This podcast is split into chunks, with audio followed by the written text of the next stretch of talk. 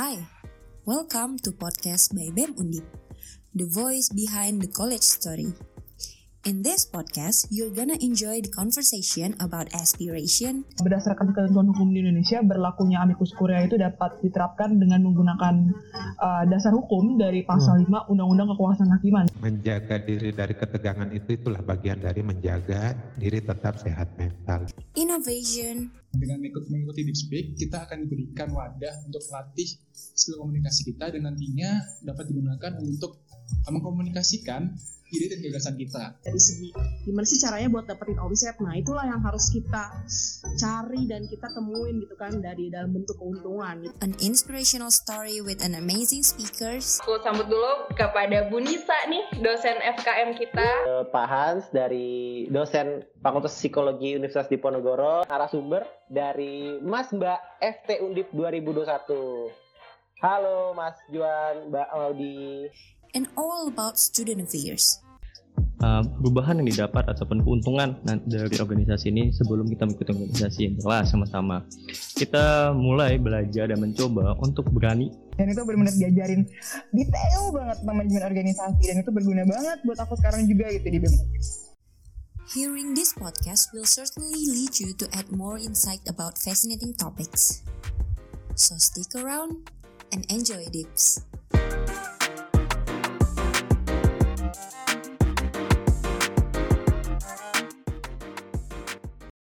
Halo Dips, selamat datang kembali di podcast by BEM Undip bersama aku Marco dan partner aku.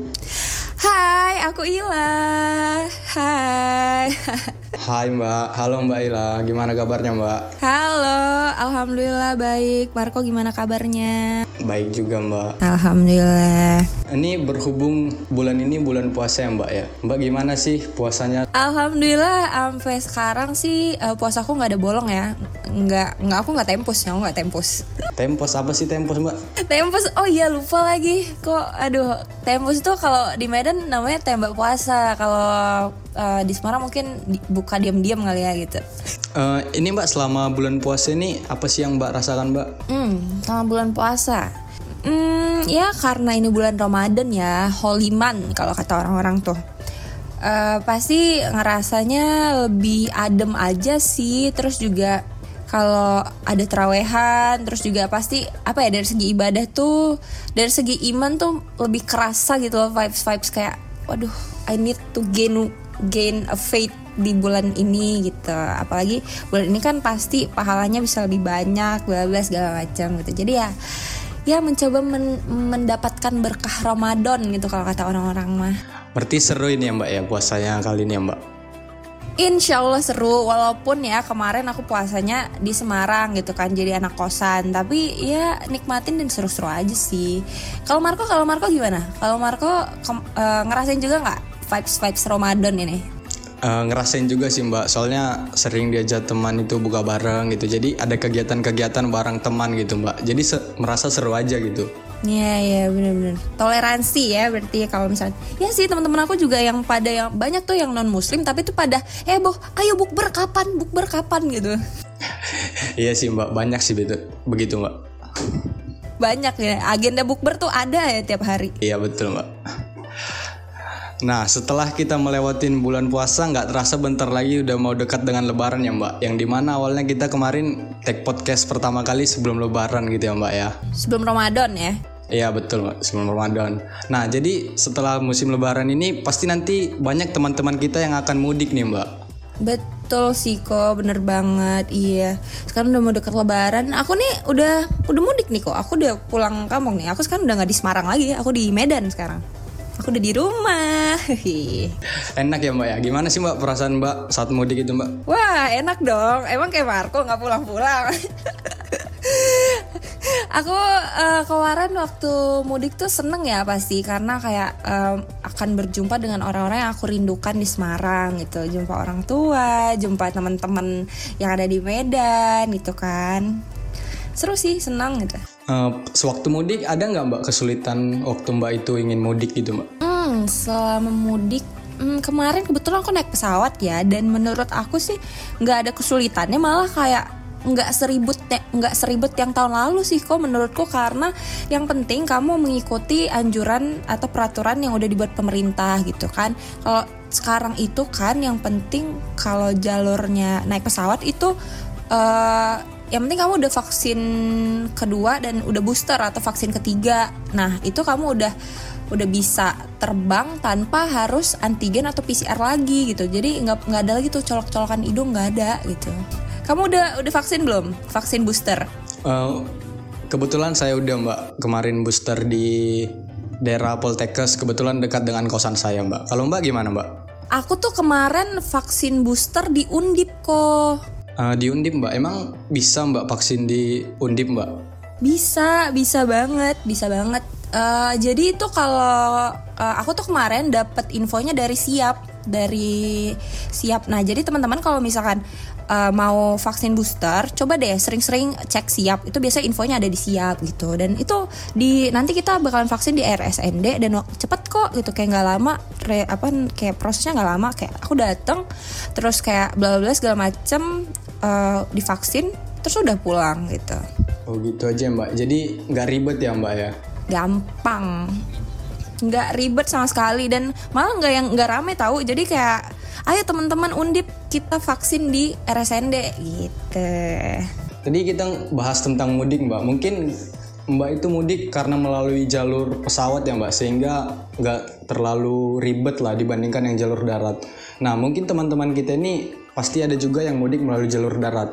Mm-mm, benar benar banget. Apalagi banyak tuh uh, teman-teman kita yang uh, kampungnya di Jakarta di Bandung di Pulau Jawa lah ya kok ya. Iya betul mbak Nah, jadi buat teman-teman kita yang ingin mudik melalui jalur darat ini, Mbak, ada poin-poin yang harus kita bahas kali ini, Mbak. Yang pertama, ada melalui rekayasa lalu lintas. Oh, gimana tuh kok rekayasa lalu lintas untuk mudik lebaran tahun 2022? Nah, jadi rekayasa lalu lintas ini, Mbak, yang pertama ada one way, ganjil genap ataupun kontraflow. Oke, okay, one way, ada one way, ada ganjil genap, sama ada kontraflow ya, kok ya? Betul, Mbak. Apa tuh? Coba jelasin one way itu apa, kontraflow itu apa, ganjil genap itu apa? Soalnya yang aku tahu tuh cuman ganjil genap. Nah, jadi saya jelaskan ya, Mbak ya. Yang pertama itu ada arti one way. One way ini adalah skema lalu lintas satu arah yang diberlakukan untuk memecah kepadatan lalu lintas. Jadi, one way ini bakal diterapkan selama mudik lebaran yaitu mulai tanggal 28 April hingga 6 Mei 2022. Selain one way, ada dua istilah lain yang digunakan untuk pengaturan lalu lintas selama mudik lebaran, yaitu kontraflow dan ganjil genap. Kontraflow adalah skema lalu lintas yang mengubah arah normal arus kendaraan pada suatu, suatu jalan raya. Skema ini dapat ditetapkan untuk berbagai keperluan seperti mengatasi kemacetan, pemeliharaan jalan, hingga evakuasi darurat. Adapun ganjil genap adalah skema lalu lintas yang di mana angka terakhir di nomor polisi atau nopol kendaraan harus disesuaikan dengan tanggal di hari tersebut. Jika angka terakhir di nomor polisi adalah ganjil, maka kendaraan hanya dapat melintas di tanggal ganjil saja. Sebaliknya, jika angka no terakhir nopol genap, maka kendaraan hanya dapat melintas di tanggal genap saja. Jadi Mbak, one way serta waktu dan lokasi penerapan selama mudik yang sudah kita ketahui dan penerapan-penerapan yang sudah saya jelaskan tadi itu dilakukan agar kemacetan dapat dihindarkan Mbak. Begitu Mbak.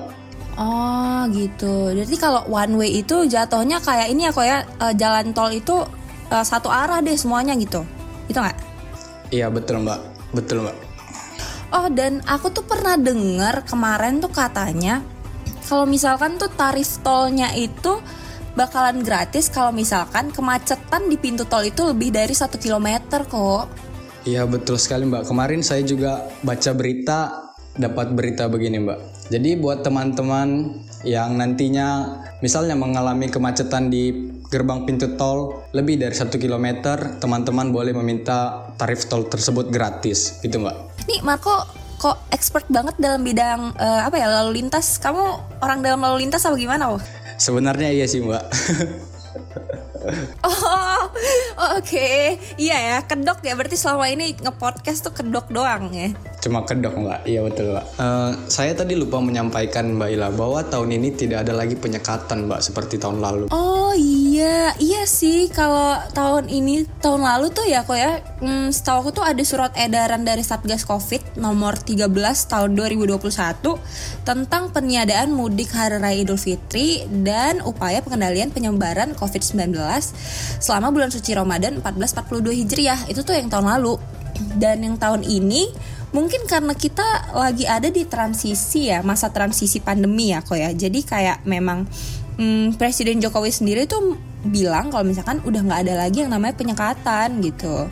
Tapi yang penting, yang penting tuh kalian harus udah vaksin lengkap plus booster gitu. Uh, tapi mbak kalau misalnya dia belum punya surat vaksin booster ketiga gimana mbak? Oh aman kalau misalkan kamu belum ada belum vaksin booster ya, mungkin uh, belum waktunya atau memang belum bisa, itu kamu bisa uh, menyertakan uh, kalau misalnya kamu cuman ada di vaksin dua ya, kalau vaksin dua itu kamu harus nyertain uh, tes antigen, tes negatif antigen satu kali 24 jam atau tes negatif PCR 3 kali 24 jam. Nah, tapi kalau kamu cuman baru vaksin satu doang nih. Nah, kamu itu wajib menyertakan tes PCR 3 kali 24 jam. Dan itu uh, disertai peduli lindungi dong karena kan kita uh, sertifikatnya itu adanya di peduli lindungi gitu di aplikasi peduli lindungi. Uh, kemudian mbak kalau sewaktu mudik ini prokes ini ketat nggak mbak atau gimana sih mbak? Harus tetap harus wajib harus tetap prokes ketat Uh, jadi nanti tuh uh, mungkin ya, aku kurang tahu, cuman uh, mungkin di perbatasan-perbatasan bakalan ada pengecekan gitu, pengecekan melalui aplikasi Peduli Lindungi. Terus uh, prokes yang ketat. Prokesnya itu apa aja? Wajib pakai masker. Maskernya itu masker medis atau masker kain yang tiga lapis. Terus maskernya itu harus diganti setiap 4 jam sekali gitu. Dan uh, Terus kalau misalkan ada yang belum memenuhi memenuhi syarat, uh, aku tuh pernah dengar ya kemarin itu katanya kalau misalkan kalian belum memenuhi syarat vaksinasi, kalian bakalan divaksin di tempat. Takut banget gak tuh? Divaksin di tempat ya mbak ya. Tapi ada lagi nih mbak, uh, aturan mudik yang paling penting nih mbak. Apa tuh? Uh, aturan mudik yang paling penting itu kita mudik dalam keadaan yang harus sehat dan walafiat gitu mbak. Bener banget sih. Masa kita mau pulang kampung, ma mau bersilaturahmi dengan keluarga dalam keadaan sakit, malah nambah penyakit dong nanti gitu.